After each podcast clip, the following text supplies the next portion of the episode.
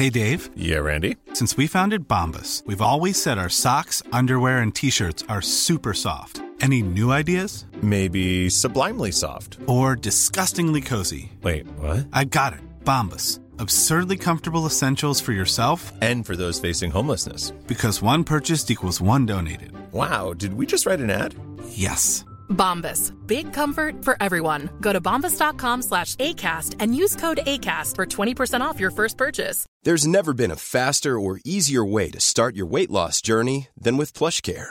PlushCare accepts most insurance plans and gives you online access to board-certified physicians who can prescribe FDA-approved weight loss medications like Wigovi and Zepbound for those who qualify. Take charge of your health and speak with a board-certified physician about a weight loss plan that's right for you. Get started today at plushcare.com slash weight loss. That's plushcare.com slash weight loss. plushcare.com slash weight loss.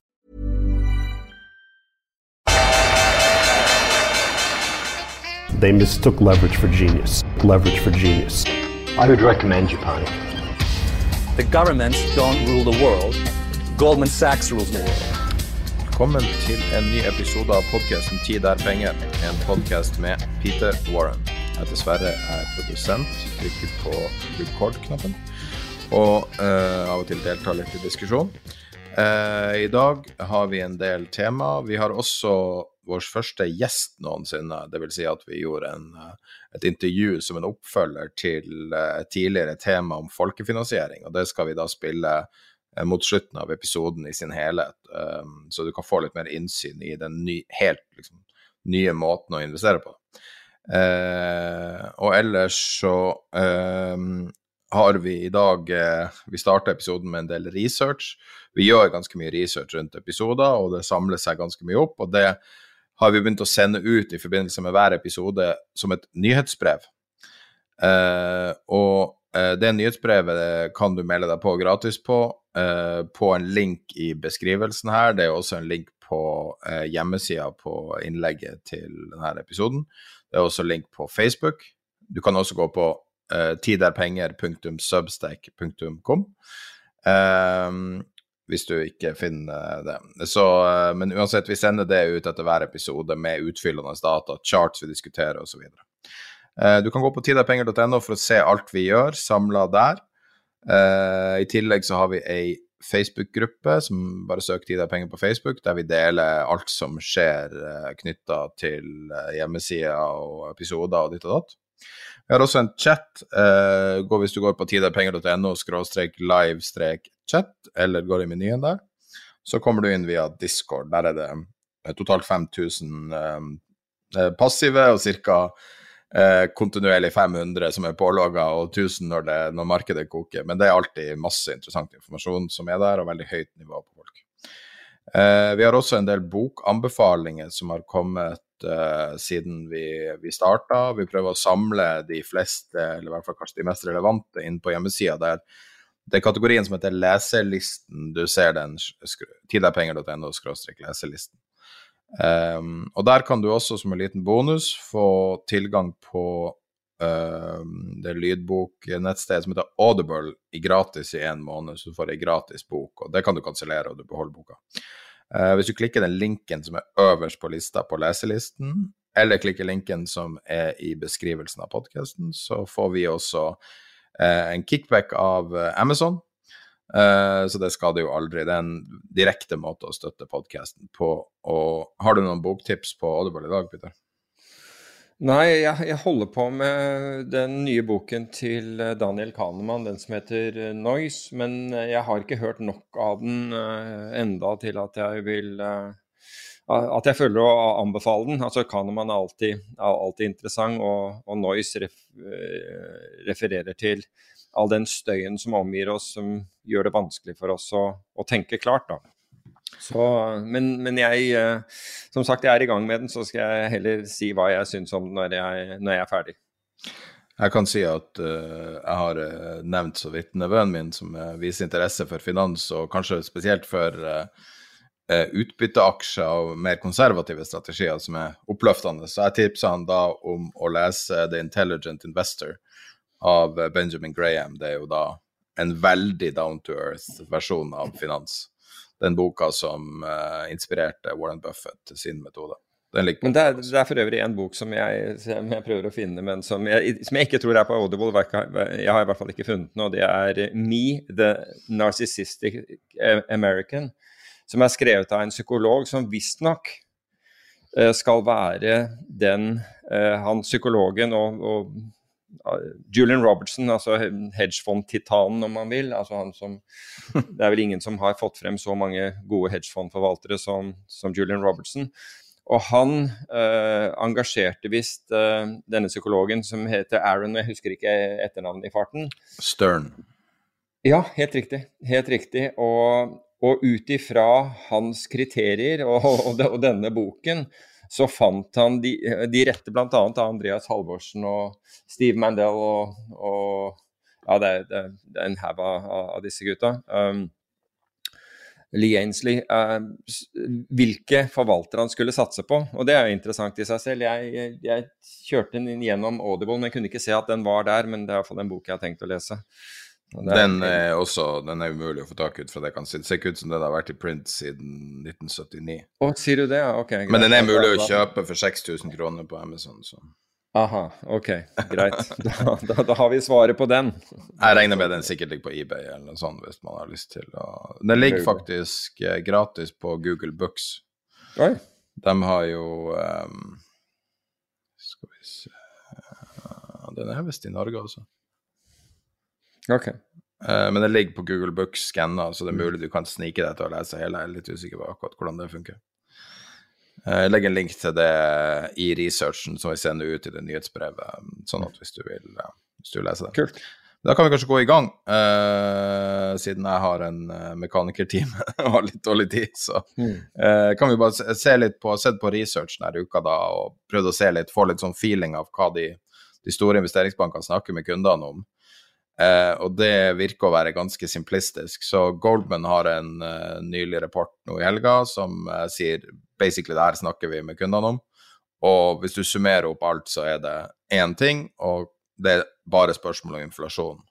Folk er like optimistiske som tidligere, tilsynelatende, men uh, det er inflasjonen som er det store måte, spøkelset i markedet, ikke overraskende. da. Uh, Morgan Stanley har en lignende rapport som kom ut rett før helga, uh, og, og, der var det en interessant ting at de sier at folk har en, altså sier at markedet har endra seg. altså Det er jo seriøse, store investorer. Uh, og de aksepterer at ting har endra seg, men, men de tilsynelatende endrer ikke sine høye forventninger til avkastning. Jeg syns det var en interessant uh, kobling um, der uh, folk på en måte bekrefter litt det man anekdotisk har plukka opp, som er at det er noe som har endra seg nå de siste månedene, både i form av lavere tempo, lavere volatilitet, lavere volum. Eh, men folk er blitt vant til høye avkastninger på ymse ting på veldig korte tidsperspektiv, og, og det virker å, å ikke ha endra seg, da. Eh, kan, jeg, kan, jeg, bare komme inn med noe, siden du nevnte Morgan Stanley? Fordi de uh, publiserte i forrige uke sin Market Timing Indicator. Og den har den høyeste uh, hva skal vi si, uh, registrerte the, the, highest reading, hva heter det på norsk? Altså, det er på, høyeste, det er på høyeste, høyeste, målingen noensinne, og denne her ble startet eh, jeg tror det var i 1990. Og de to andre gangene hvor målingen har vært like høy, eller i nærheten så høy, nå er den på rekordnivå, all time high, var i 2007 og før det i 2000, altså rett før. Og det, altså de mener at dette markedet, eh, altså den timing-indikatoren til Morgan Stanley, at markedet er ekstremt, ekstremt overkjøpt. Så, men vi, vi, skal komme tilbake til dette her at man ser på markedene på, på andre måter uh, litt senere i programmet.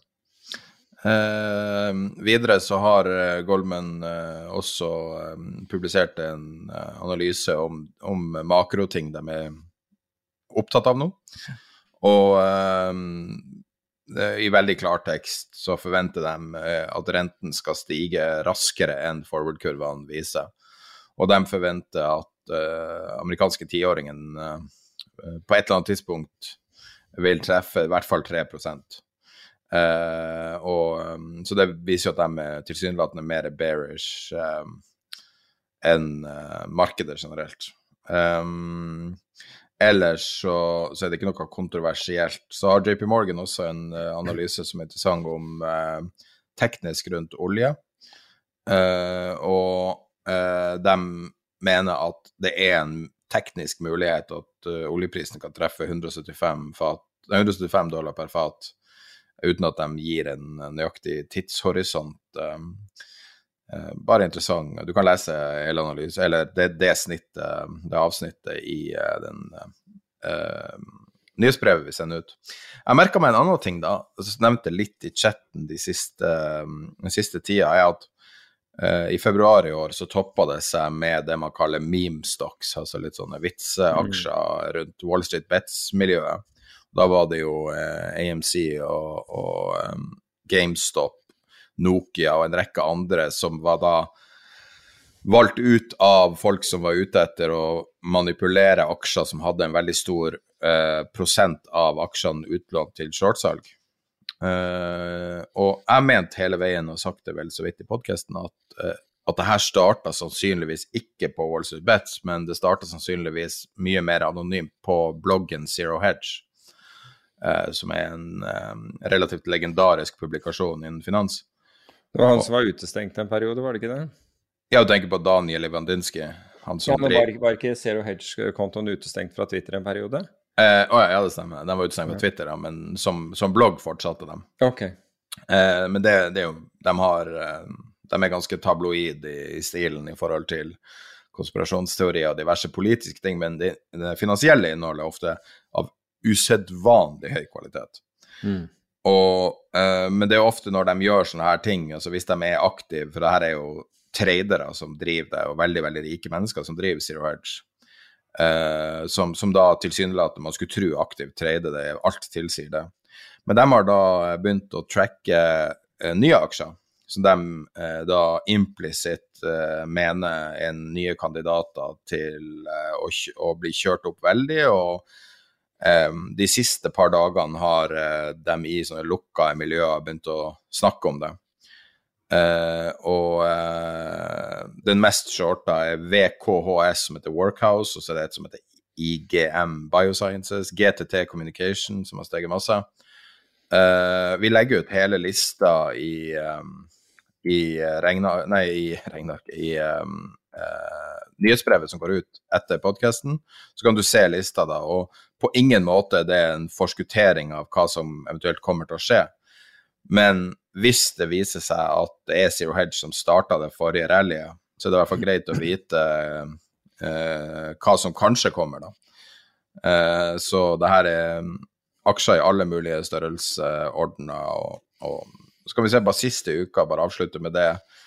Siden siste episode så har Nvidia utmerka seg med vært veldig mye fokus på Nvidia. Eh, og Exxon Mobil og Goldman Sachs har også utmerka seg mye. Alle har hatt ei solid uke mellom 8 og 5% opp, mens Teslaen er 4 og, og har fått kjørt seg mer. Uh, jeg kan i den forbindelse nevne at AMC, uh, som er da en memestokk som du nevner, var opp 83% i, i forrige uke og er opp 2128 hittil i år. Yep. Så hvis det viser seg at denne eh, analysen er korrekt, at det her faktisk starta med zero hedge, og det her skjer igjen, så, så, vet du hva som er muligheten, men uh, må advare på det sterkeste at det er ingen Det finnes for det første ingen garantier, og det finnes for det andre at ting gjentar seg som regel aldri. For når folk begynner å skjønne hvordan dynamikker fungerer, så begynner de også å uh, slutte å fungere. Så jeg tror det sterkeste våpenet til Wall Street Bets var det at det var undercover, liksom, det som skjedde. Ja. Så det var en gjennomgang av analysene uh, for siste uke, og litt sånn uh, ja hva som skjer. Ja, uh, vi, vi, kan jo drodle vi, eller vi skal jo drodle litt mer på akkurat det, det, som, det som skjer. Fordi det er jo Altså hvis, hvis vi tar det som det, det, som nettopp har skjedd. altså På fredag så får vi dårlige arbeidsmarkedstall. De var, de var, ikke dårlige, bare, så det er sagt. De var bare litt dårligere enn forventningen til disse arbeidsmarkedstallene. Fordi egentlig tallene er fantastiske, de er fantastisk gode. Men det at de var litt dårligere enn forventningene, sendte aksjer opp. Det sendte obligasjoner til værs. altså Bitte lite grann dårligere tok investorene som et signal på at det kommer mer kvantitative lettelser. Nå kan ikke myndighetene slutte. Jeg har ikke sett maken, jeg. Det var en voldsom oppgang i amerikanske statsobligasjoner, og for så vidt også tyske. Eh, eller ja, Bundt, da. Eh, på, eh, på, fredag som følger dette. Virkelig, altså for i, i standard er virkelig store bevegelser. Og alt kommer fra at investorer øyne muligheten for, for, at man må fortsette å pumpe penger inn i, inn i, inn i finansmarkedene. Altså vi er det, det, er utrolig hvor enkle vi er blitt når det gjelder Altså all annen makroanalyse og blir fullstendig tilsidesatt i forhold til nærmest uh, fight-flight. I dette tilfellet så er, så er det jo altså, mer, glede, fordi det er egentlig ikke fight-flight, det, det, er ikke amygdala som er i gang, men det, det blir Det er en dopamin-rush uh, inn i, i, uh, i, hodet til folk og inn i systemet, inn, inn, i, kroppen til folk, som, som følge av Oi, nå er det negativt, det betyr positivt. Og det, det var rett og slett absurd å se på. og jeg var heldig som ikke tapte penger den, den, dagen, egentlig. fordi på, på, sånne enorme plutselige bevegelser så er det fort gjort å, å, å, å trå feil. Men du sitter tilbake og tenker hva, men er, det, er, det, er vi virkelig blitt så enkle? Og det, det har også ledet til at jeg har tenkt mye mer på rundt det som foregår i, i finans uh, uh, i øyeblikket. Men en av de tingene som, som jeg også har la merke til da i, i hvis vi, hvis vi, ser hittil i år, er at de mest, den mest utskjelte sektoren er jo på en måte vinneren. Og det er, en, det er energi, altså oljesektoren. Du var inne på JP Morgans uh, uh, analyse av, uh, av, oljeprisen, eller forecast for oljeprisen. Og dette er det som alle har, har, på en måte lagt vekk. Du ser eh, Meglere driver ikke og får inn penger til oljeselskap og oil services og alt mulig sånn. Det er liksom blitt helt altså det er blitt helt tilsidesatt. Ikke fordi det er en ESG-diskusjon rundt det, men fordi det er mye lettere å samle inn penger til andre. Fordi disse, disse falt jo voldsomt i verdi i, i fjor. Men så på en måte så går dette her folk hus forbi. Og vi, vi snakket tidligere i år om eh, dette med eh, disse prognosene. Det var Deutsche Bank hadde prognoser på olje, og det var masse positive. Og I den forbindelse så, så laget jeg en opsjonsstrategi på som jeg skrev i en, i, i en blogg. altså hvis du, hvis du, virkelig har troen på dette, at oljeprisen på det tidspunktet skulle til 80, så kunne du tjene 300% istedenfor bare noen få prosent, eller bare 20% eller hva det var, uh, på, på, en slik oppgang. Og jeg så, For moro skyld så gikk jeg inn og så på den, den opsjonen der uh, januar uh, 2022. Uh, kjøpsopsjon på, uh, på, på, olje, på den amerikanske oljen på, med innløsningskurs 65. Og den har, den har steget 63 i verdi. Og jeg skal fortelle, hvis, den, hvis oljeprisen bare fortsetter gjennom 80, altså går, går så langt, så, så, vil du bli styrtrik av, av, av å, å, sitte på noe sånt. Men det har vært den mest utskjelte. Det, det, er vanskelig å hente inn penger, til dette, og den blir på en måte undertrykt.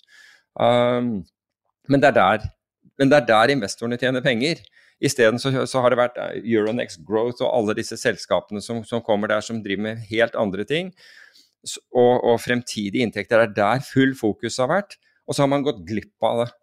Hele den siden hvor Altså der hvor det virkelig har, har, har vært, vært, penger å tjene. Og er, jeg syns jo det er et paradoks. Men går også litt tilbake Det går kanskje også tilbake til dette med meme stocks og, øh, og den biten der. Og vi, vi skal lande på det. Men Uh, I den forbindelse så var det en som sendte meg det var i slutten av forrige uke, muligens at det var fredag eller lørdag, jeg husker ikke. Men i hvert fall det er en som, som sender en tweet. Uh, er mulig at jeg skrev et eller annet om, om, kryptovaluta. Jeg husker ikke hva som var, var, var, årsaken til det, men så er det en som spør om jeg har tro på uh, Jeg tror det var bitcoin. Og jeg sa at jeg har, jeg har tro på desentralisert uh, finans. Det har jeg tro på. Jeg, har, jeg, har, jeg, tror at det kommer til å bli noe i, i fremtiden. Og ut ifra det så kom det en sånn voldsomt engasjement. altså Da haglet det med meldinger, og noen tweetet rundt og, og, og, den biten der. Og noen er veldig positive til det, noen er forferdelig negative til det. Og så tenker jeg så mye som så mye som er glemt, så mye som er tilsidesatt i forbindelse med hele den biten rundt rundt bitcoin. Bitcoin var jo fantastisk så lenge eh, det steg, men det er blitt mindre fantastisk nå som, eh, som eh, du har fått en korreksjon tilbake. Men den korreksjonen vi har hatt nå, den er helt lik korreksjoner og enda mindre for, for øvrig enn mange andre korreksjoner vi har, vi har hatt i bitcoin. Og er, dette er ikke noe forsvar for bitcoin. Um, dette er mer en, en observasjon. Altså, hvem som helst kan gå tilbake og se på, uh, på hvor, hvor, hva som har skjedd innenfor bitcoin og andre kryptovalutaer. Men det jeg ser, er at det vekker veldig mye emosjoner, og det vekker også en del myter. Og noe blir sånn etablerte sannheter. Og en av dem Hører du eh, hva er det danske båten? det er, det er Kiel-ferga. Bare shut the fuck up! hvis det blir med de tre støtene, så betyr det at han bakker, så han prøver å gi andre fartøyer beskjed om at han er på vei til, til å forlate havnen. Var, jeg var ikke klar over at det var, kunne høres så godt. Ok, sorry for det. Um, men, men, poenget mitt er at Og en av mytene, og jeg så den gjentatt i, i Dagens Næringsliv, og det var Tor Christian Jensen, jeg har respekt for han, men han som sier at det er ingen, altså Han tydeligvis negativ det, og det er greit. Folk kan være negative til det, jeg har ikke, jeg har ikke noe, noe, synspunkt på det. Men han sier det er ingen cashflow i, i, i, bitcoin. Og så tenker jeg, er det riktig? Er det riktig at det er ingen cashflow i, i bitcoin? Så kan du si at når du kjøper en obligasjon, er det noe cashflow i obligasjonen, og da vil jo folk si selvfølgelig er det det, for du får renter. Ikke sant? Du, du, du vil få renter forutsatt at uh, Forutsatt at uh, skyldneren gjør opp for seg, så vil du få renter. Vel, i bitcoin hvis du kjøpte bitcoin og solgte den samtidig på termin, så fikk du mellom 25 og 50% årlig rente, avhengig av når du, når du gjorde dette, for den, det har fluktuert opp og ned. Og det var først nå i den, eh, i den eh, i det fallet vi fikk ned fra 64, eller spesielt det brå fallet som tok oss ned gjennom, eh, gjennom 40 000 dollar og ned, ned, til 30 000 dollar, da gikk den negativ, så da kunne du faktisk kjøpe futuren tilbake billigere enn det bitcoin handlet for. Men poenget er at det er ikke riktig at det ikke er noe cashflow. Så lenge, og det, og det samme sies jo om gull, men også Ford-prisen i gull er høyere enn prisen i dag. Så, men det blir etablerte sannheter når, når tunge journalister eller finansfolk eller hva som helst bare går og gjentar dette uten å tenke seg om. Men det er feil. Det er faktisk feil. Fordi altså, er det noe sted du kunne få en, en tilsvarende garantert avkastning. For hvis du kjøpte bitcoin og solgte den på termin, du har da, du clearinghus på, på, den andre siden av handelen din som da er nødt til å oppfylle dette. her. Hvis du har bitcoinene eh, stående på, i cold storage, altså på, på, en minnepinne eller et eller annet sånt som ikke kan tas fra deg, så hadde du 50% eller la oss si et eller annet sted mellom 25 og 50% avkastning i året. Så ikke si at det ikke er noe cashflow i bitcoin. Selvfølgelig kan det forandre seg i fremtiden, men det er jo ikke det vi snakker om. Det er, de snakker om hva som er her og nå, og hvordan det har vært. Det er jo ikke riktig. Og det er så mye emosjoner involvert rundt bitcoin. Noen sier at, alt, bitcoin, som sier at bitcoin er fiat, og kryptovaluta er fiat. Ja, for så vidt så er det jo det, for det er ikke, det er, det er ikke backet av, av f.eks. gull. Og det er ikke penger heller, så penger er fiat. Um, gull er gull.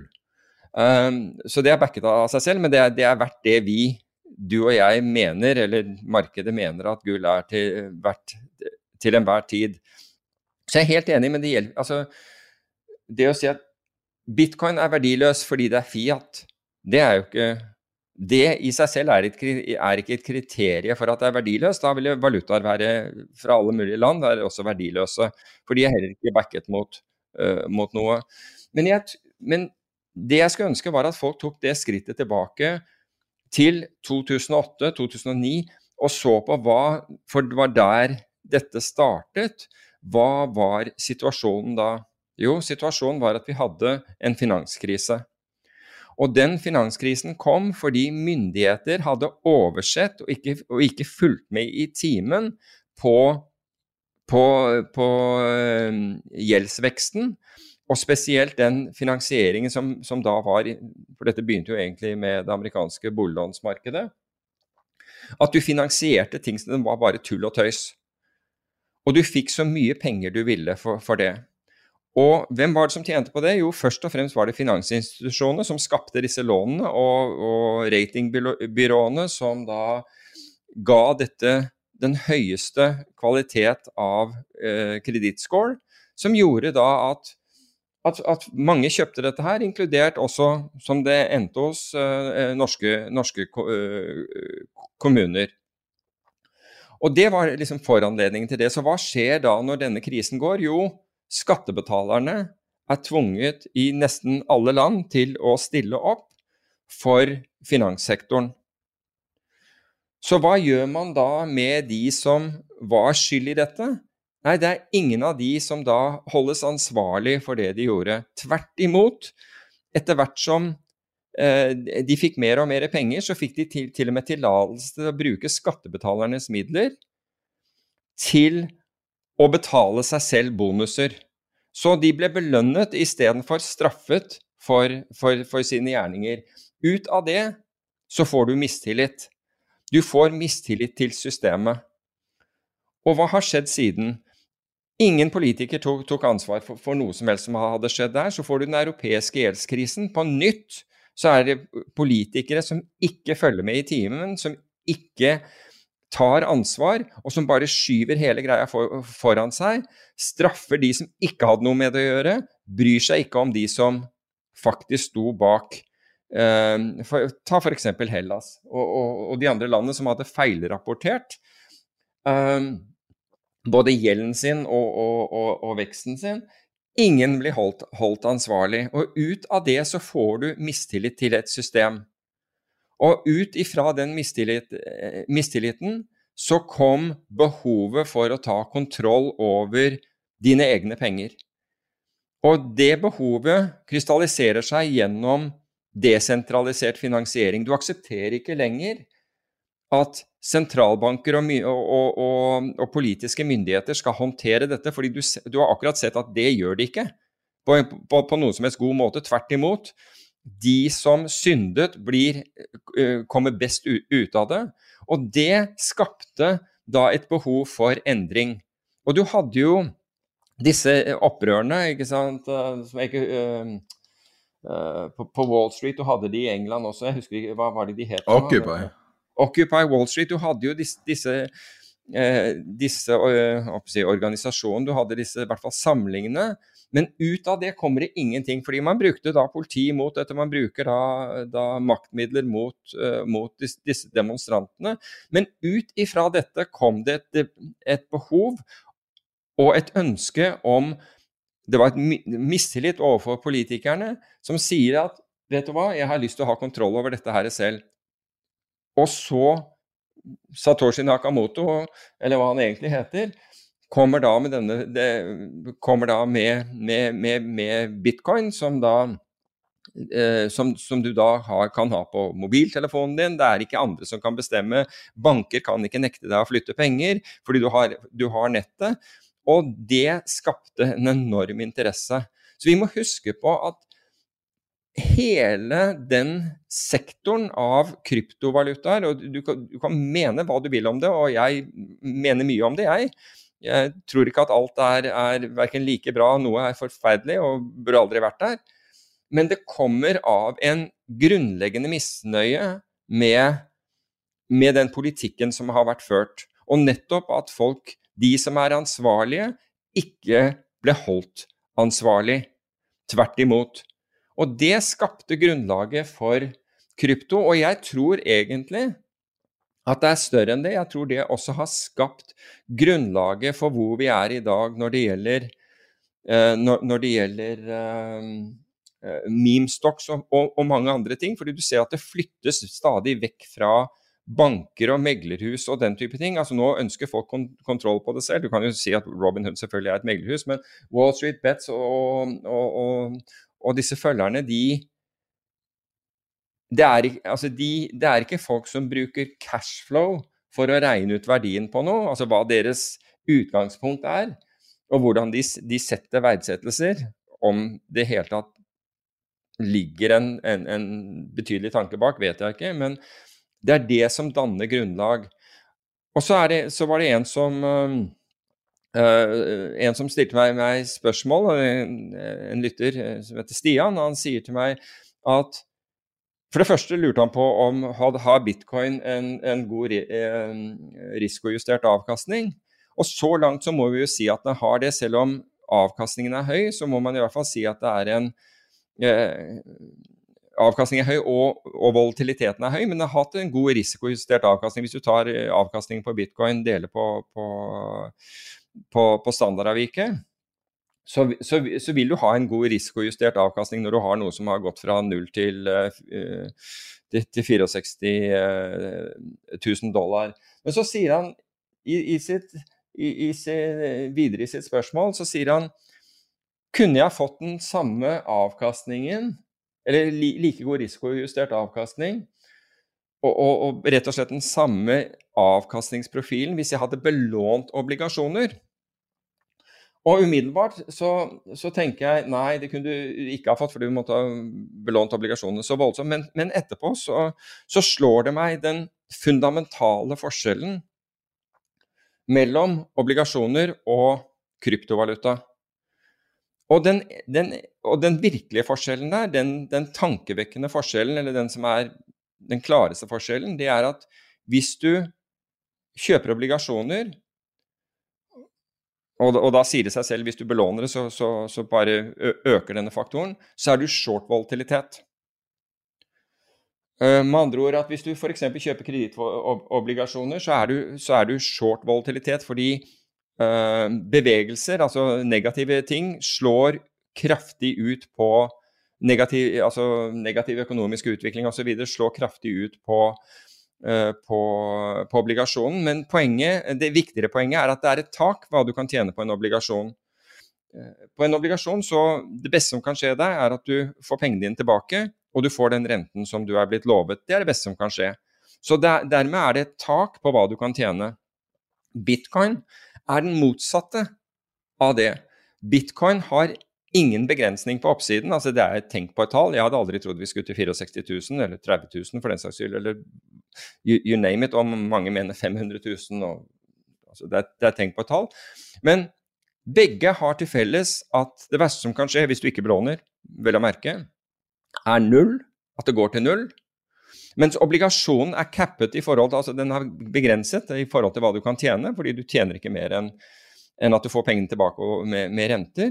Men bitcoin, eller en, en, en kryptovaluta, kan gå hvor langt som helst, som de, de, de, sier i Sverige. Det er på en måte ingen, ingen uh, Intet tak på den. Så obligasjoner er short volatilitet, og, og kryptovalutaer er faktisk lang volatilitet. Det betyr ikke at du, ikke, at hvis, går, hvis du får negative økonomiske nyheter, at ikke bitcoin kan, kan falle. Overhodet ikke. Det kan absolutt.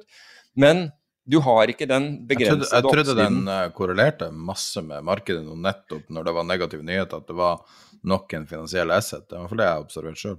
Ja, og, og, årsaken til det er Og det, jeg tror det er en riktig oppfatning, i hvert fall nå. Tidligere har den ikke vært korrelert uh, så mye, men hvorfor gjør den nå? Jo, det er bl.a. fordi vi belåner. Og belåningen gjør oss på en måte short volatilitet, fordi vi tåler ikke hvis det går mot oss. Da er vi nødt til å foreta oss noe. Da er vi tvunget til å selge. Og den, eh, den, eh, den dagen hvor bitcoin faller da ned til 30 000 dollar I det markedet i Chicago åpnet da, så ble det solgt bitcoin for 300 millioner dollar, bare bang inn i markedet. Og svært mange av plattformene som man handler dette på, var ikke i stand til å håndtere salgspresset. Og, det var ikke, var ikke stand, og dette var be, veldig mye belånte penger. Var ikke sta, altså De måtte rett og slett stoppe handelen. De var tvunget til det fordi de hadde ikke oversikt lenger. Så, så det er viktig å huske hvor ting har kommet fra. At hvis du belåner noe, så endrer du atferd. Og som du sier, det korrelerer. Og det er jo folk som da hadde formuer i bitcoin, hadde da kanskje belånt den posisjonen litt grann, for å gå og kjøpe seg aksjer. Hvis da enten bitcoin eller aksjer faller i verdi, så kommer da eh, eh, den institusjonen som, eh, som, du har lånt av, og sier du eh, nå må jeg ha mer sikkerhet.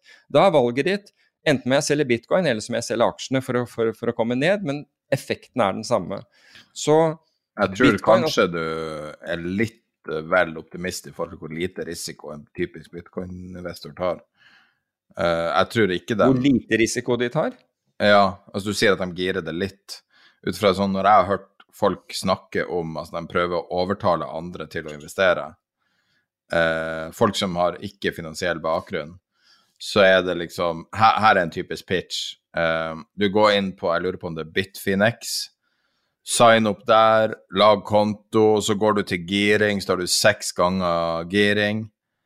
Eh, og du mente at jeg undervurderte den? Ja. Ja, ja, ja da er jeg med. Da er jeg med. Altså, bare, jeg har hørt folk beskrive hva man skal gjøre for å investere i krypto. Mm. Um, og ut fra liksom helt anekdotisk, det finnes jo ingen sentraliserte tall om, uh, om giring, og de her er jo helt uregulerte markeder. Ja. Um, uh, basert på den på måte uh, bare observasjonen, så, så, er det dramatisk mye mer gira enn sånn som det hørtes ut du la det fram nå, men det er mulig at jeg misforsto. Ja, nei, eh, jeg er helt enig med deg. Det, er dramatisk eh, giret. Men poenget mitt er at med en gang du belåner noe, være seg du belåner aksjer veldig mye for å kjøpe bitcoin, eller du belånte bitcoin for å kunne kjøpe aksjer, så blir disse to tingene korrelert per definisjon.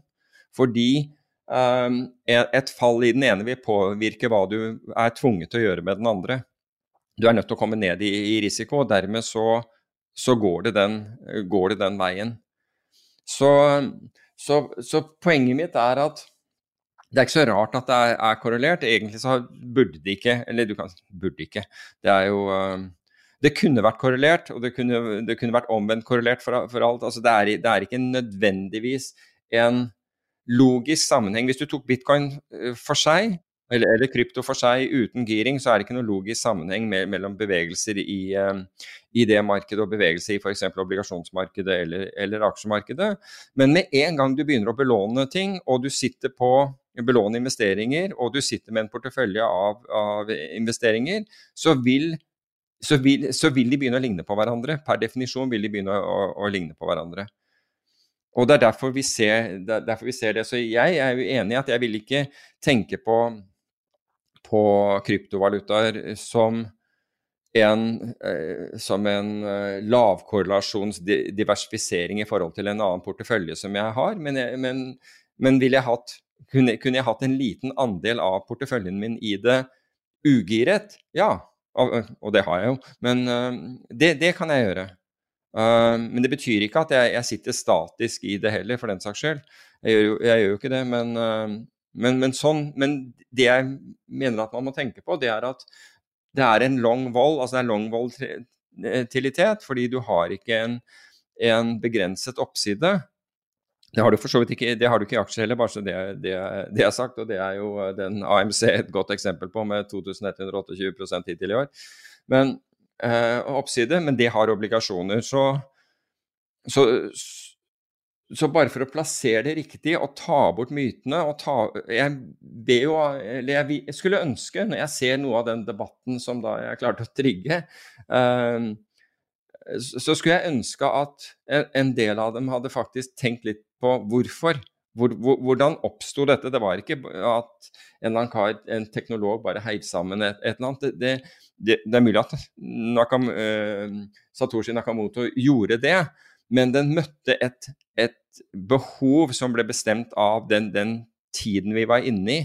Den fylte et behov, og det er det som er grunnlaget for den. Og jeg tror at vi skal se på det litt i, i den sammenheng. Og, og, fortsatt i dag så ser du at eh, desentralisert finansiering, det tar det, det, det, spenner om seg, og det er stadig mer eh, aktivitet innenfor eh, desentralisert finansiering, altså finansiering utenom banker, utenom det vanlige pengesystemet. Mer og mer finansiering foregår der, flere og flere dealer foregår eh, der. Og, og, det er sterkt økende. Og det, en, og det, er en årsak til. Og det er ikke bare det at det kan være mer presist og raskere. Raskere er det i hvert fall volummessig er, eh, er det ikke i nærheten av å fylle, fylle det, det, markedet som penger gjør i dag. Men man ønsker ikke at myndigheter eller banker skal kontrollere uh, våre penger. At de som, de som bruker det, ønsker da ikke ha den kontrollen og den, det man også kunne kalle mismanagement, ved at man i finanskrisen ga, da, ga bonuser til de, som, de som, hadde, som, var skyld i krisen. Det, det, det, henger jo ikke på greip, rett og slett. Kan jeg få lov å foreslå bare et uh, taktskifte? Jeg har tenkt masse på noe i, um, i, det siste. Jeg vil gjerne høre din uh, input på det. Uh, du har en vanvittig scarcity i alt mulig nå. Og jeg vet ikke om du har fulgt med helt i det siste. Um, og tenker på, Du snakker mye om, om, trading og markedet i bitcoin. Jeg vedder på at vi kan få en vanvittig påvirkning av Altså, svarte svaner har store muligheter til å være disruptive for bitcoin. Og spørsmålet er rundt vann. Mm. Jeg tror vi har ei voksende global vannkrise nå. Uh, du har I USA så har du et tørke som er helt ekstrem, i, spesielt i California, men over hele USA. India, Afrika, en, en rekke land er hardt, hardt ramma av det. Samtidig som alt fra sykler til chips nå har disrupta veldig, veldig mye ting, og, og, og, helt ned til bitcoin. Det, det, det var det som var liksom koblinga, var at du har den chip-shortagen uh, i det her veldig chip-intensive markedet, må jo ha en enorm impact. Ja, jeg så Det var noen nyheter om det i dag. Det var, jeg lurer på om det var Financial Times som, som sa at, uh, at den ville vedvare og, vil, og var i ferd med å skape store problemer. Altså det at du ikke får uh, disse databrikkene. Så um, så det er mange altså det er mange Men tror du det ligger noen svarte svaner? Kanskje det jeg personlig er bekymra for, er vann? At du har rett og slett vannshortage, at uh, det ikke er vann i springen en rekke steder i store byer. India har jo hatt det i, i, flere år, egentlig, og en rekke afrikanske land har jo hatt det i flere år. Men så er det jo også kanskje den, den verste tørken ever i, i um, California. Da. Iallfall ikke langt unna. Da, da, da, kommer antageligvis brannene også eh, medfølgende. Men eh, altså, tro, ja, er, er, svaret mitt på det. Kan det være en svart svane? Absolutt. Og veldig mye fordi vi er ikke opptatt av, av å følge med på, på, på slike ting.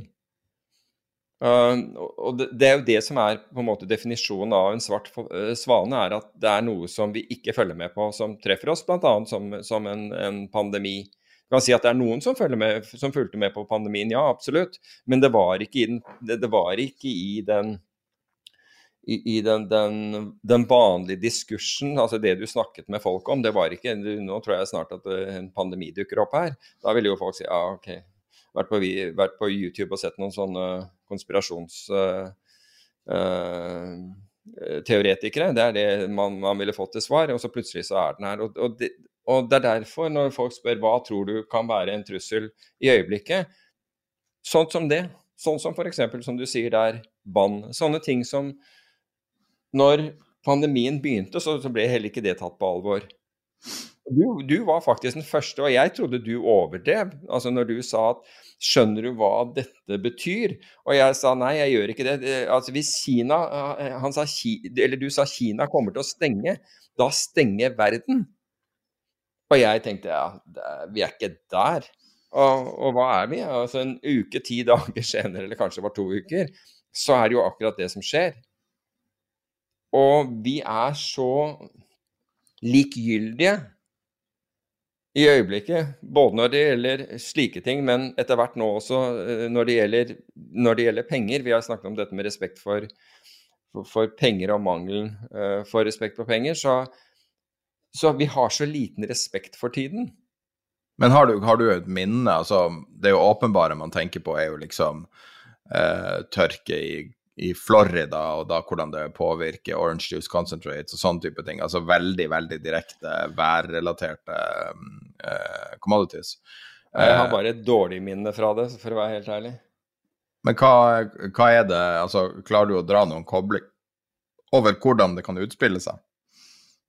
Nei, altså, det, det, er klart at hvis du får en tørke altså, i, i et område f.eks. som er hvor, hvor følelser som, som produserer, altså om det er nå, Hvis du sier at det er California, så er det jo Midtvesten hvor man produserer mais og, og, og havre og alle mulige soyabønner og soyamel og alt mulig sånn, så er det litt mindre viktig.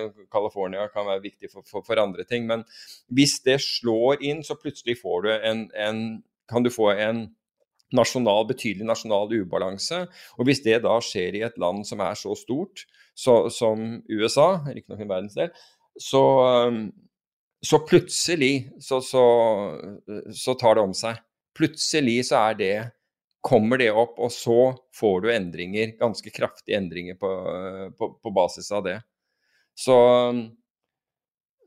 så du kan si at jeg ville ikke undervurdert, men jeg, jeg har, altså de, de erfaringene jeg har med med, med, råvarer, det er sånne ting som utbruddet som, som, blir veldig lokalt i forhold. Ikke bare lokalt, eller ble ikke lokalt, men det var en lokal konflikt. altså Når, når russerne gikk inn i Afghanistan, hvor kobberprisen gikk gjennom taket.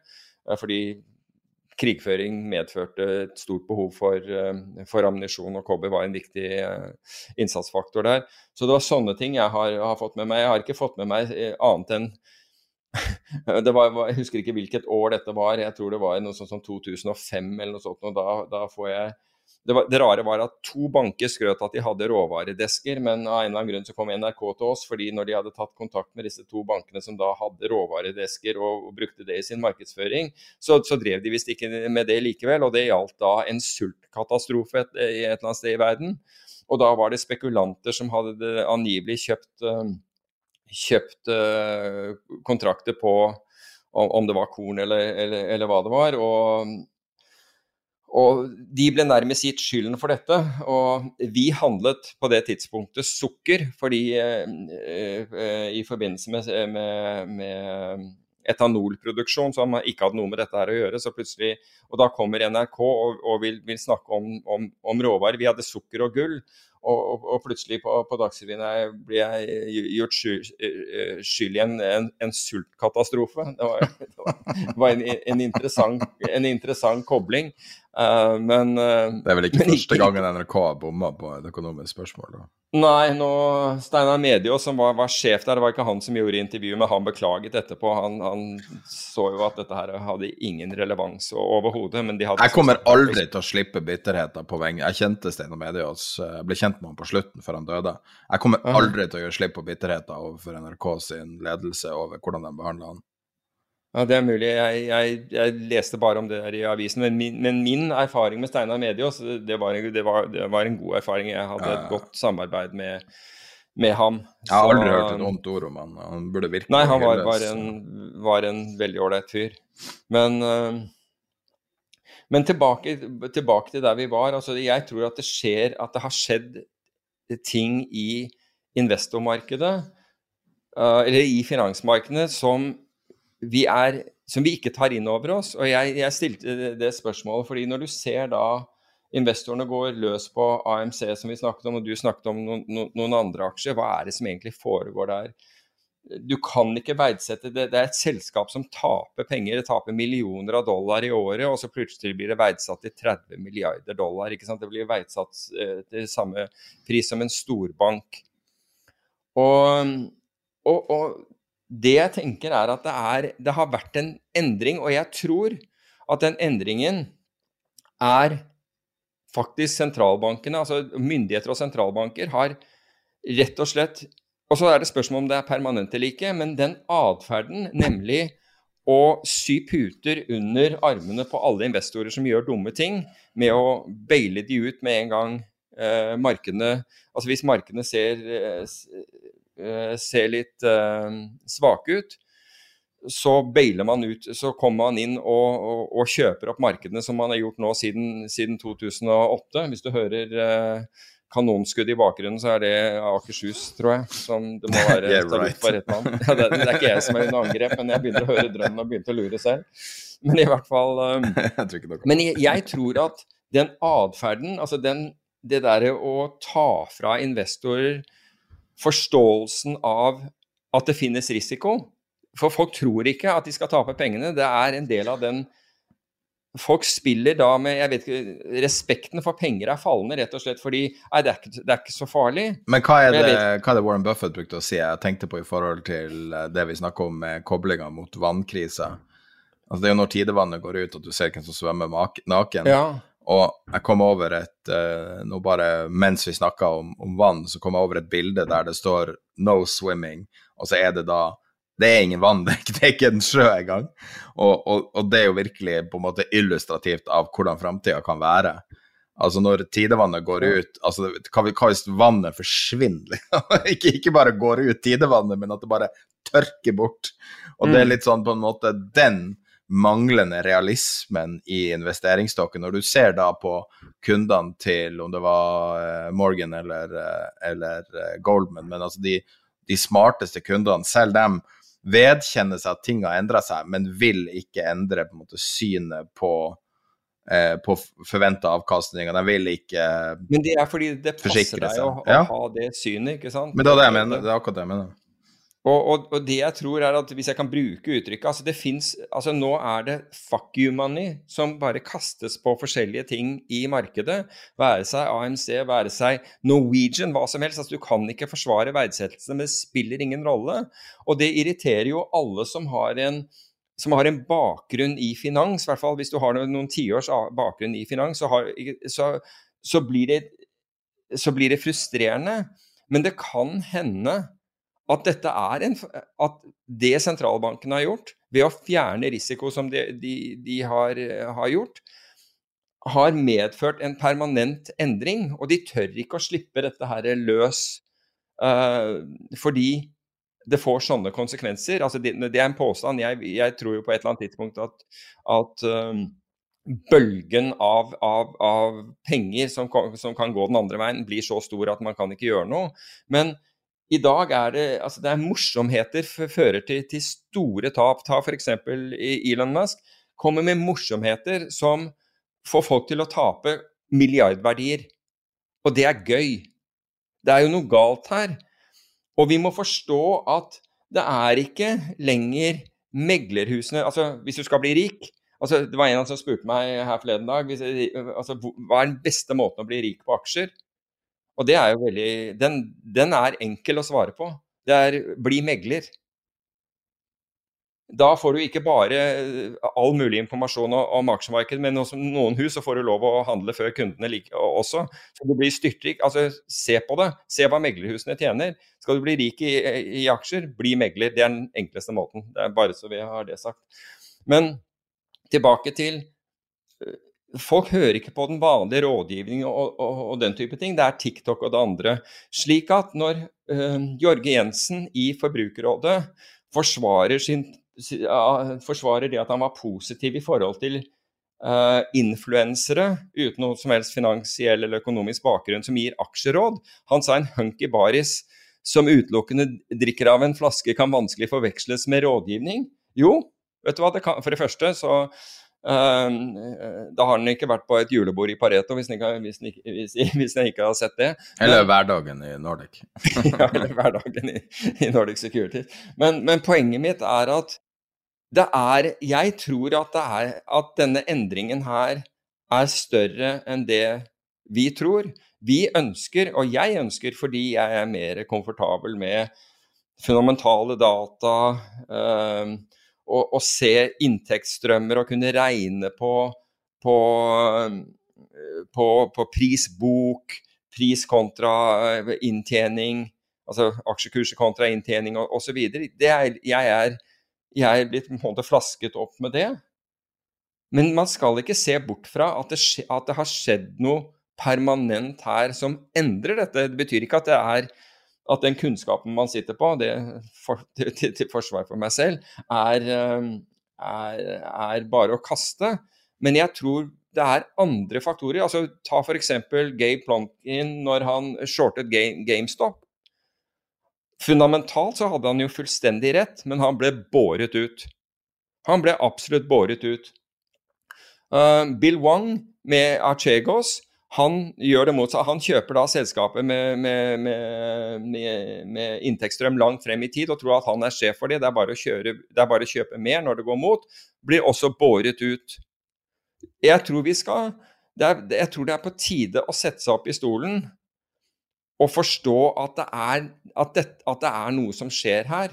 Og ta det inn over oss, og ikke automatisk bare uh, dytter det unna og sier at ah, de, de, idiotene som gjør det der, de kommer i hvert fall til å gå til helvete. Men det vi ser, er jo at de, at de gjør ikke det. Så de som ble Noen ble opplagt knust i GameStop-fallet som jeg tror skjedde i, um, i, i, februar. Klart noen ble det, men det kom andre inn i markedet igjen. Det var, var nok av dem. No, Hæren er mye større enn det vi tror. Kjører da inn i kryptomarkedet. Ja, den er større enn du tror, men volumet er jo kraftig ned. Og det er sannsynligvis ja, fordi at en del av dem har tapt alt. Det har de gjort. En del av dem har tapt alt. Men det er en del av investorene som taper alt uansett. Og nå var det en artikkel det, Jeg lurer på om det er i, i, i eh, Dagens Næringsliv i dag om, om en eh, noen og tyveåring som har tapt noen hundre tusen kroner fordi han har hørt på for han har fulgt tips på uh, Facebook eller hva det er for noe, på, på, på, aksjer. Um, men, men jeg, jeg, tror allikevel men og, og det syns jeg er synd. Jeg syns det er veldig synd at det skjer. Det ikke, men det betyr ikke om han hadde, Hvis han hadde fulgt rådene til meglerhusene og, kjøpt, og kjøpt uh, Euronex Growth-aksjer, så så, så hadde han, han, han, antageligvis tapt pengene der også. Så det er ikke dermed sagt at fordi du hører på noen som angivelig skal ha bakgrunn for egne meninger, at du ikke taper penger. Men ja, det kan hende at den gruppen er blitt mindre. Jeg er litt usikker. Volumene har falt og alt det der. Men vi må huske på at den som flytter pris, er den marginale kjøperen. Så det, det, er, ikke, det er ikke den store institusjonen nødvendigvis. Det er ikke NBIM som flytter markedet. De, de forsøker å ikke flytte markedet. Det, det, er deres, eh, det er jo det de de ønsker jo ikke å flytte markedet ved, ved, sine kjøp og salg, for da blir det dyrere for dem. Det er disse mindre aktørene som jager, og som blir den marginale kjøper eller selger, som påvirker prisen. For eh, hvis markedet er hvis markedet er låst, det er 500 millioner på kjøper og 500 millioner på selger, så står, så står uh, markedet stille. Men det er, den som, det er den marginale kjøperen over det her, eller marginale selgeren, som er villig, som, som flytter pris. Det er det som er poenget. slik at De trenger ikke å være så kjempestore. Og jeg tror at vi skal, vi skal, tenke litt mer på hva det er som foregår her, og sette det i et bredere perspektiv. Istedenfor, og som jeg har gjort, øh, dømme disse, disse, som holder på. Så når en tannlege sier at liksom, hun si, syns det er gøy å, å, handle i aksjer Altså Hun har muligheten, hun. Hvis hun er den marginale kjøperen den dagen, så flytter hun kanskje kursen. Mm. Men uh, nå tror jeg vi uh, i forhold til uh, si, timeplan Vi har jo et forbereda innlegg, som er et intervju som er gjort allerede nå um, i forhold til en tema vi tok opp tidligere, som var knytta til sånn um, folke, folkefinansiering og ja. på engelsk crowdfunding. Så i Norge er det en håndfull aktører. De er samla Så vi, vi snakka om det for en tre-fire episoder siden, der det hadde vært en forespørsel over lang, lang tid fra én lytter, egentlig. Og så tok vi det opp og prøvde å angripe det som en hvilken som helst annen finansiell asset, altså se på det fra en investors ståsted. Og det var en del spørsmål, og var eh, Vi hadde ikke snakka med bransjen i forkant, da, men vi ble kontakta av absolutt alle aktører i folkefinansieringsbransjen. Og så tok vi og snakka en runde med eh, hun som er leder for eh, en av de største firmaene. eh, som heter Cameo. Og hun er også da en leder for den foreningen som representerer liksom alle de folkefinansieringsselskapene. Ja, og, og, altså det var jo det at hun var leder for, for foreningen, fordi alle var jo på og ønsket å, å, å snakke om, om, sitt, men det var jo det at hun var leder for foreningen som, som gjorde at, at, vi valgte henne.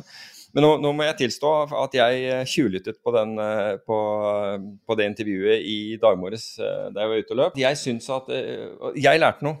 Jeg ja. syns det var verdt å høre på. Det, var, det, var det, det er hele poenget mitt. Ja. Jeg syns det var verdt å høre. Nei, det var da... mange ting der ikke jeg visste. Så eh, kunne du ha fortalt litt om deg sjøl, for du representerer jo to parter i, eh, i det her eh, knytta til eh, folkefinansiering. Du er jo både eh, styreleder for et av de største selskapene som driver med utlån, og så er du i tillegg eh, eh, leder, så vidt jeg skjønner, for den foreninga som for hele bransjen. Og så kan du representere deg sjøl og fortelle litt om det. Uh, ja, Linn Ringvold heter jeg. Og um, jeg er ikke styreleder da, i Cameo, men jeg er daglig leder i Cameo Norge. Uh, og så er jeg advokat, så jeg er også juridisk direktør i Cameo Gruppen. For vi har virksomhet i Norge, Sverige og Danmark.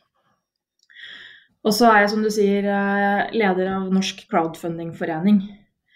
Så jeg kan litt om de ulike um, elementene som inngår i crowdfunding generelt, men aller mest kan jeg jo da om lån til bedrifter og lån til eiendom, som er det Cameo holder på med. Ja. Eh, I den, eh, Vi hadde et innslag på en ti minutter i en av episodene, og da ble vi kontakta av absolutt alt som kan krype og gå av folk som jobber med det her i Norge, i alle parter. Eh, og Derfor går vi til det steget for å ta for oss et nytt steg, som er å gjøre og, og, må jo ha et intervju i podkasten. Det har vi aldri sett før. Um, så hvis vi da ser litt på, på helhetsbildet, da, hvordan er bransjen, hvor stor er bransjen nå av de forskjellige segmentene? Uh, ja, Vi i foreningen samler jo inn tall på kvartalsbasis. Um, så i fjor, hele markedet i Norge, som inkluderer da også donasjon og det som kalles belønning, som dere snakka litt om i den podkasten du nevnte, uh, det er på ca. 900 millioner. Og så er ja, omtrent to tredjedeler, to tredjedeler, av det er investeringscrowdfunding. Så det er lån eller aksjebasert folkefinansiering. Så Vi kan jo selvfølgelig snakke, det er jo det, det som er interessant her, eh, så, som et reelt eh, investeringsalternativ. da. Men øh, det, det, det, mest, det, som overraska meg mest når vi begynte å se på det her, var at det her virker å være et reelt alternativ til bankfinansiering eller obligasjonsfinansiering av eiendomsprosjekter. Og det hadde, før vi snakka om det, så visste jeg ikke så mye om det. Og, og jeg, hadde aldri falt meg inn at et eiendomsprosjekt som, som også har sikring på andre sida, som har en kunde, eller hvorfor trenger de en dyrere finansiering på denne måten? For det er jo en langt mer på en måte utradisjonell finansiering. da, så hvis du, hvis du kunne svare på hvorfor folk gjør det da? Ja, det gjør det jo fordi det ikke er så lett å få lån i banken, da, som kanskje alle vil ha det til. Så um, jeg hørte jo også dere liksom nevnte at, uh, at liksom, uh, hvor trygt er det egentlig å investere i et prosjekt som er refusert av banken. Men faktum er jo at de prosjektene som kommer på disse plattformene, er jo sjelden refusert av banken. Det er jo ofte sånn at uh, enten så gir plattformen lån i tillegg til banken, Enten tidligere i fasen eller som et topplån, eller litt seinere i fasen som en mellomfinansiering for å løse ut egenkapitalen tidligere. Eh, eller så er det et alternativ som kommer opp før banken har kommet med noe tilbud, og i hvert fall lenge før det har blitt refusert. Eh, og da fordi at eh, aktørene har erfaring med at det er en fleksibilitet da, og en raskhet i plattformsystemet som gjør at de kanskje likevel tjener på å betale en litt høyere rente, fordi de får et mer fleksibelt produkt, og ikke minst at de kommer i gang med å bygge raskere. Eh, så hvis man, tenker, hvis man tenker bare prosjektbasert, så er det jo lett å tenke at det er en høyere rente, ferdig med det. Men hvis du tenker at du er en eiendomsutvikler som har mange prosjekt, som skal reinvestere egenkapitalen din over tid, og få en avkastning på den egenkapitalen over tid i mange prosjekter, Da er det jo en stor verdi å komme i gang tre-fire måneder tidligere enn det banken ville gitt deg muligheten til. Og kanskje også til å kunne låne opp til 75% da, og ikke bare 60% sånn som banken ville gitt deg lov til. Eller at du ville fått kanskje renta er omtrent det samme, summa summarum, hvis du regner inn krav til forhåndssolgte enheter osv. Ja. Det er et alternativ til banken, men også et tillegg til banken. Når det gjelder se på eiersida, da, som er det, det mest på måte påfallende kanskje med det segmentet, er at det virker å være eid stort sett av etablerte aktører. Dere stikker dere nesten ut litt med å være, ha en differensiert eh, eier, eh, altså eierstokk, eller hva man skal si. Eh, og største aksjonæren deres, så vidt jeg kan si, ABG, ABG Sundal. Eh, så for dem, da, så er det jo liksom Det store spørsmålet er hva er det her egentlig? Altså hva, hva, hva er det her segmentet, og hva er målet? Liksom, hva, fordi at betydelig andel av aktørene virker å være veldig etablerte aktører i akkurat samme bransje, eller veldig lik bransje. Så Sundal eh, ser jo på seg sjøl som en investeringsbank og gjør masse eh, plasseringer for kunder. Og måte, er det her for dem det at man vet ikke hva framtida bringer, og regelendring og ditt og datt, eller hva, hva er liksom Hvordan ser framtida ut fra deres ståsted? Nei, altså På eiersida så er det vel at uh, det er disse aktørene som har sett og forstått at det er et markedspotensial der. da. Um, så det er vel kanskje forklaringen på det. At man har sett liksom verdien av å gjøre investeringen. For når du skal bygge team og plattform og du skal gjøre liksom teknologisk utvikling, du må gjøre regulatorisk nyvinning fordi dette er et uoversiktlig marked sånn som det er i dag, uh, så krever det ganske mye penger da, å komme i gang. Eh, så da må du ha noen kapitalsterke folk i ryggen som tror på konseptet. Så det er vel kanskje den beste forklaringen på det. Hva er kravene fra myndighetene? Ja, Det varierer jo fra hva slags type plattform du er, og egentlig hvilke type oppgaver du tar på deg. Så hvis du tar lån, da, som vi holder på med, så vi er låneformidlere og registrert som det i Norge. Og det innebærer at du er et finansieringsforetak. Eh, men i og for seg så er det ikke så store krav til rapportering og ja, corporate governance-prosedyrer osv. av den grunn. Men veldig mange låneformidlere som er crowdfunding-plattformer, er også betalingstjenesteytere. Eh, og som betalingsforetak så har du jo veldig mye rapporteringsplikter og er jo underlagt krav om kapitalbase, og du skal ha sant, masse ulike policyer og rutiner som skal rapporteres på, eh, og er jo underlagt et mye mer aktivt tilsyn som den type finansinstitusjon. da.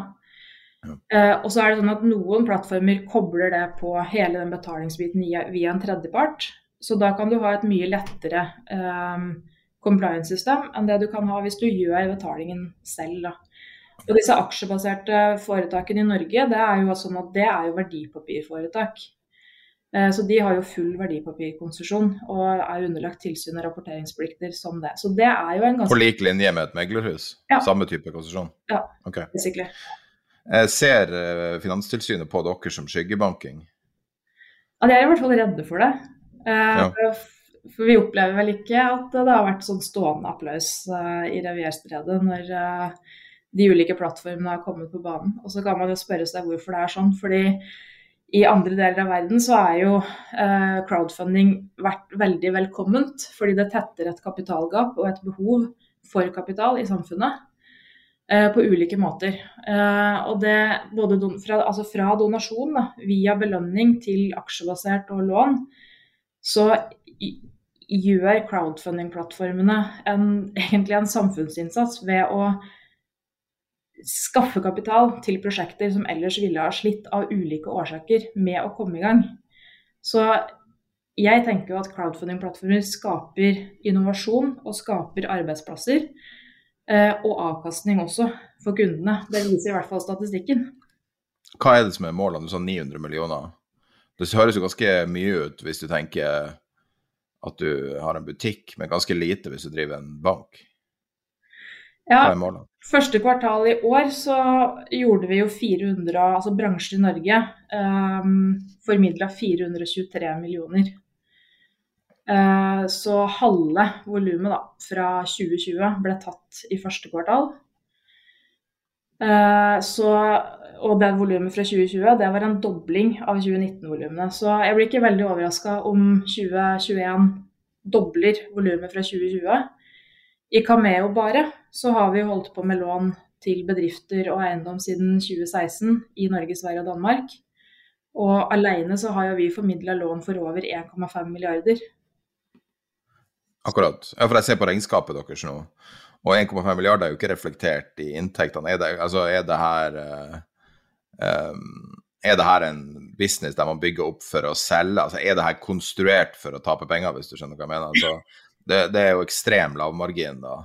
Uh, og banker opererer jo gjerne i uh, veldig stor milliardklasse. og Dere er i en ekstremt konservativ bransje. Er strategien her å på en måte bygge for salg, eller er, det å bygge for uh, for å faktisk gå med overskudd? Strategien er jo å bygge for å gå med overskudd. og jeg tror Både Cameo og flere av de norske plattformene har jo som målsetting å gå i pluss i løpet av det neste året eller to. Men det er jo et, et volumspill. Du er nødt til å ha ganske store volumer for å klare å gjøre dette her med en relativt lav kostnadsbase. Og så er det sånn at vi konkurrerer jo eh, direkte med bankene i mange tilfeller, eh, særlig nisjebankene. Eh, og for låntakeren så er det jo avgjørende hva slags kostnad til syvende og sist han eller hun blir sittende med. Ja, det er åpenbart spørsmålet. Hvorfor betaler folk med høyere rente? Er det bare fordi at det er ikke mulig? Du sa at de har ikke gått til banken, eller, men eh, hva er motivasjonen for å for å betale Jeg tror jeg leste at det var i snitt 3 høyere rente eh, på et eiendomslån, mm. som er Det er basically ofte marginen til en entreprenør kan være så lav. Mm.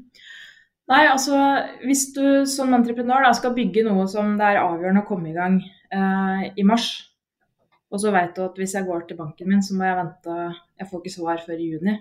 Altså De verste casene vi har hørt om fra eiendomsentreprenører, eh, hvor de har venta på banken, har vært helt opp i 10-11 måneder for å få en avklaring på hva de egentlig kan, om de i det hele tatt kan få finansiert prosjektet sitt.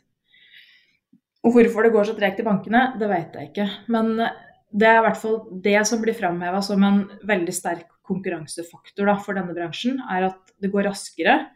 Og så får du eh, ofte finansiering tidligere i fasen Eh, og så får du ofte låne noe mer enn du får i banken. Sånn at totalkostnaden din når du regner inn egenkapitalen, og når du kan få reinvestert egenkapitalen din i et nytt prosjekt, så svarer det seg likevel å betale litt høyere rente.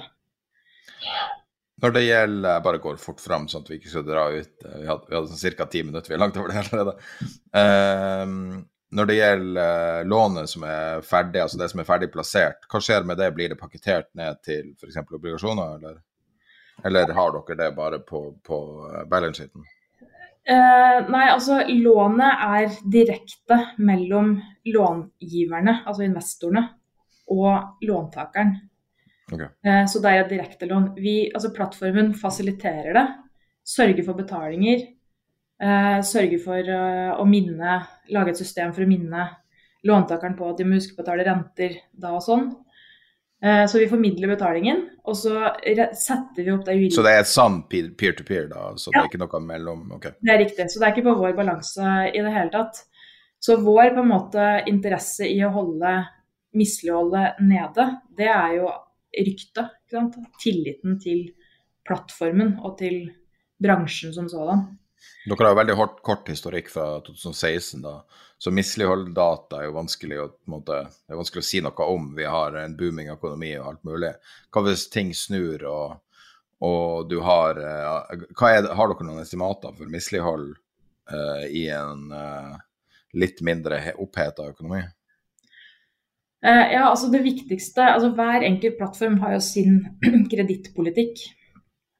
Eh, og setter på en måte krav ut ifra det. Så, og der ligger det jo inne noe stresstesting. Det gjør det i hvert fall hos oss.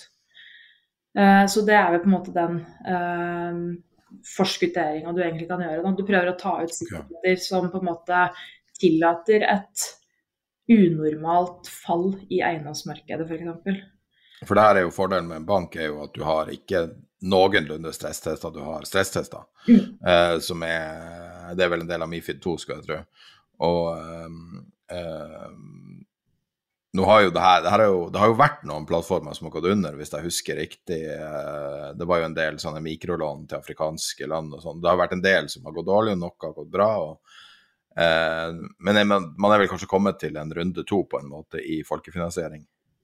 Ja, altså de, de, eldste plattformene er jo ikke skandinaviske. Men uh, hvis man ser på data fra EU og Storbritannia, så ligger misligholdsraten sånn over tid gjerne liksom rundt 5-7 avhengig av eh, plattform, og noe lavere også. Og Særlig de med, de med kort historikk har jo naturligvis lavere misligholdsrate, for der har man jo kanskje ikke engang kommet til forfall på lånet.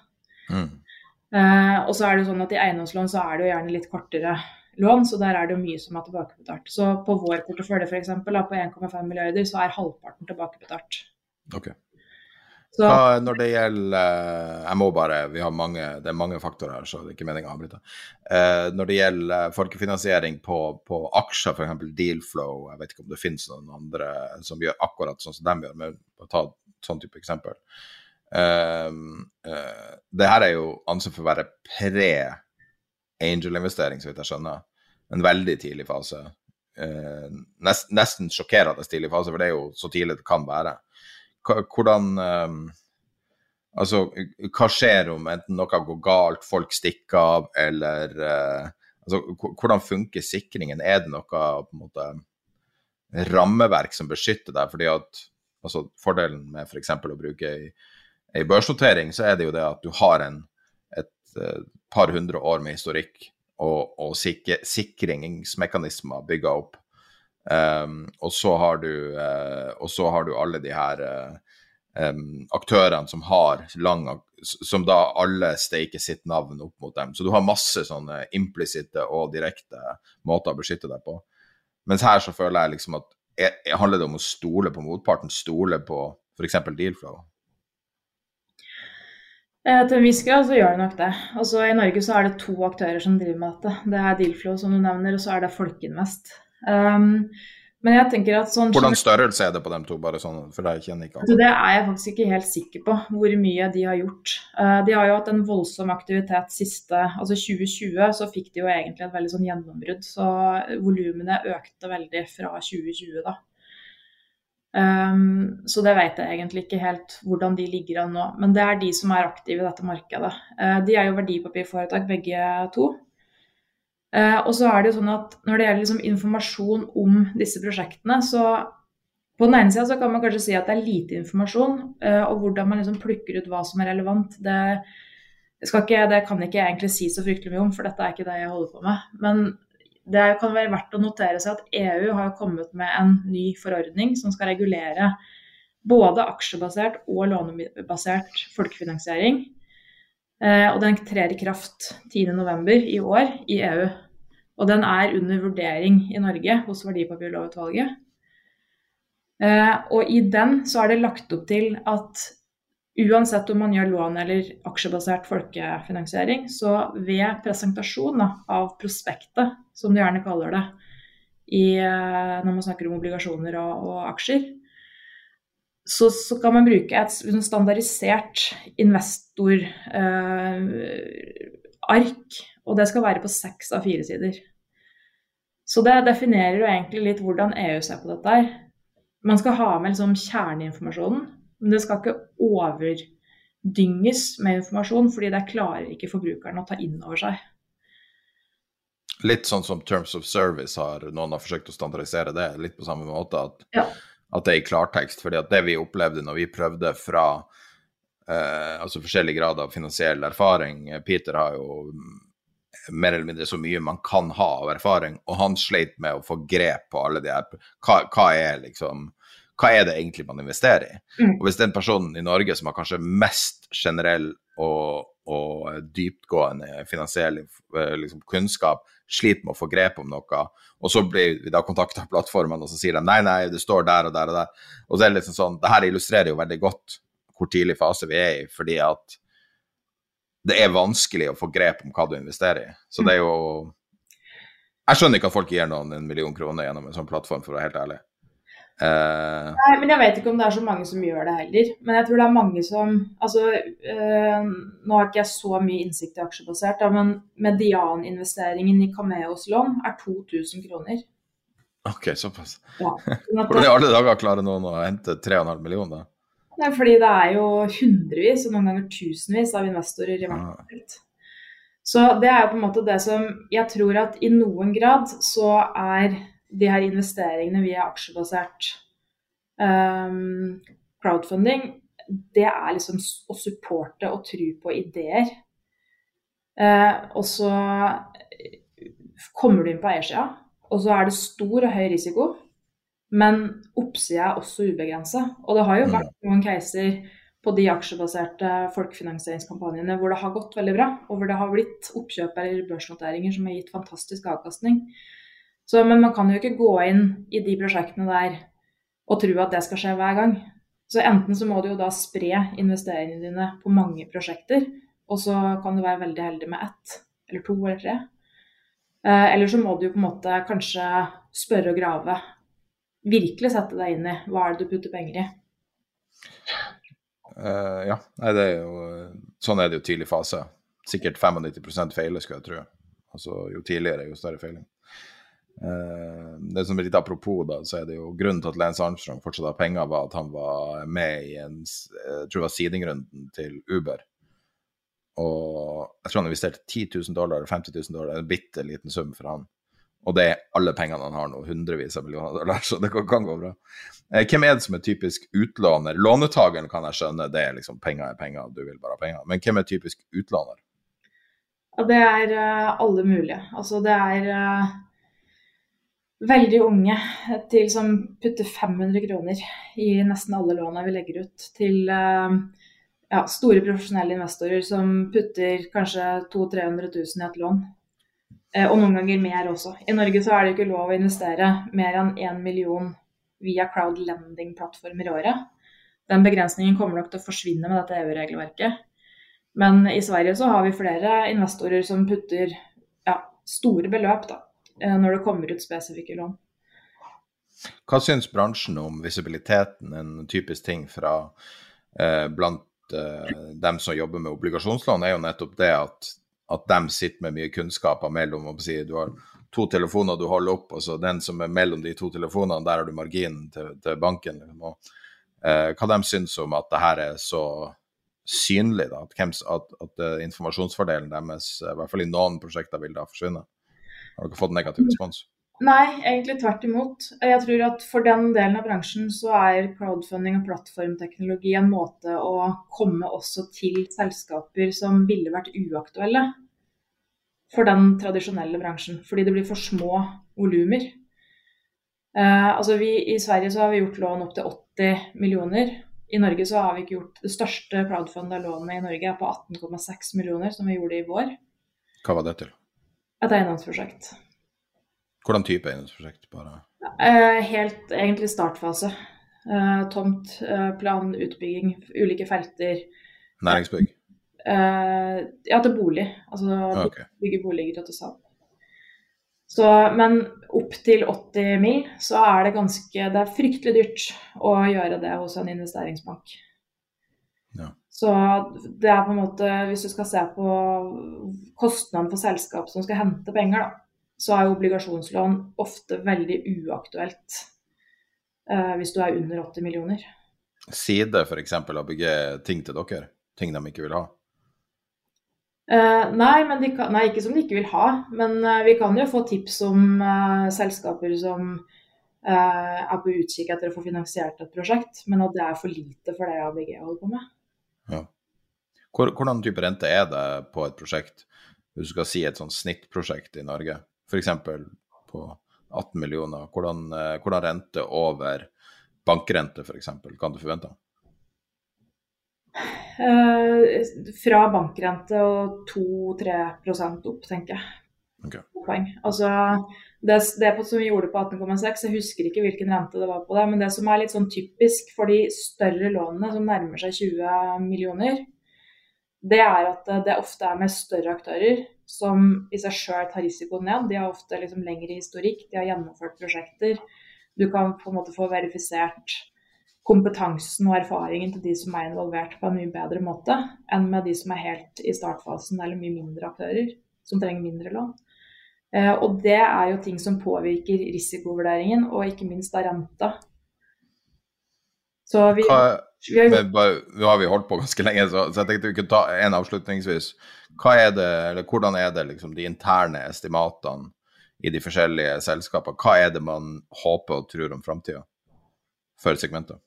Vi håper og tror at det kommer til å vokse. Da. Det er jo den trenden man ser internasjonalt. Så det eneste liksom backlashet man vel har sett i covid-året, det er jo at uh, finansiering av forbrukskreditt har gått ned. De andre bransjene har vokst. Er forbrukskreditt det dere, eller er det forbrukslån? Nei, det er jo type Kred og Perks i Norge da, som holder på med det. Men, eller Lendify i Sverige f.eks. Og, og det er, faktisk så er peer-to-peer-lån til forbruker, det er den absolutt største kategorien innenfor folkefinansiering globalt. Og det skyldes jo at du har lite fungerende kredittmarkeder i andre deler av verden. Så da er det, det er liksom i samme segment som Bank2, eller? Ja, det er forbrukslån. Altså refinansiering okay. av forbruksgjeld ofte. Ja, akkurat. Sik usikra, eller? Ja, som regel. Ja, nei, men Jeg setter veldig pris på det. Nå sa jeg vi skulle snakke i ti minutter, ble 25. Men, men det var veldig interessant og fikk uh, klarhet på en del punkter vi lurte på. Er det noe mer uh, som, jeg, som, du ønsker jeg skulle stille deg et spørsmål? Nei, jeg tror vi har dekka veldig mye. Altså, vi, denne uka her så var Crowdfundingforeningen på Factory Tøyen og spilte inn noen infovideoer om disse ulike segmentene. Så hvis man uh, lurer mer på dette her, så kan man jo klikke seg inn etter hvert på norskcrowdfunding.no, eller gå og kikke på disse ulike plattformene som er aktive i Norge, da. Lese seg litt opp. Ja. ja men det er supert. Og vi har jo fått som sagt mange hendelser, så kanskje vi gjester en til, uh, en til leder fra dette selskapet. Jeg har fått svar på en del nå, så tusen hjertelig takk. Bare hyggelig. Takk for invitasjonen. Ja, da er vi ferdig med Episode 110, det var da Linn Hoel Ringvold fra Cameo og Folkefinansieringsforbundet, tror jeg de heter. Ja, den Folkefinansieringsforeningen er det vel, kanskje. Eh, og jeg satte veldig pris på samtalen med henne. Det ble mye lengre enn jeg først hadde trodd, men hun eh, var interessant å høre på og hadde mye å si, så det ble improviserte noen spørsmål her og der. Så. Eh, jeg syns det var litt fint å ha et innslag og ha litt uh, fakta fra, si, fra innsida her. Akkurat i det temaet syns jeg det funka bra. Ja, jeg, er helt enig. Og der hvor uh, kunnskapen vår kommer til kort, så er det jo ingenting bedre enn å, å få, få, den supplert.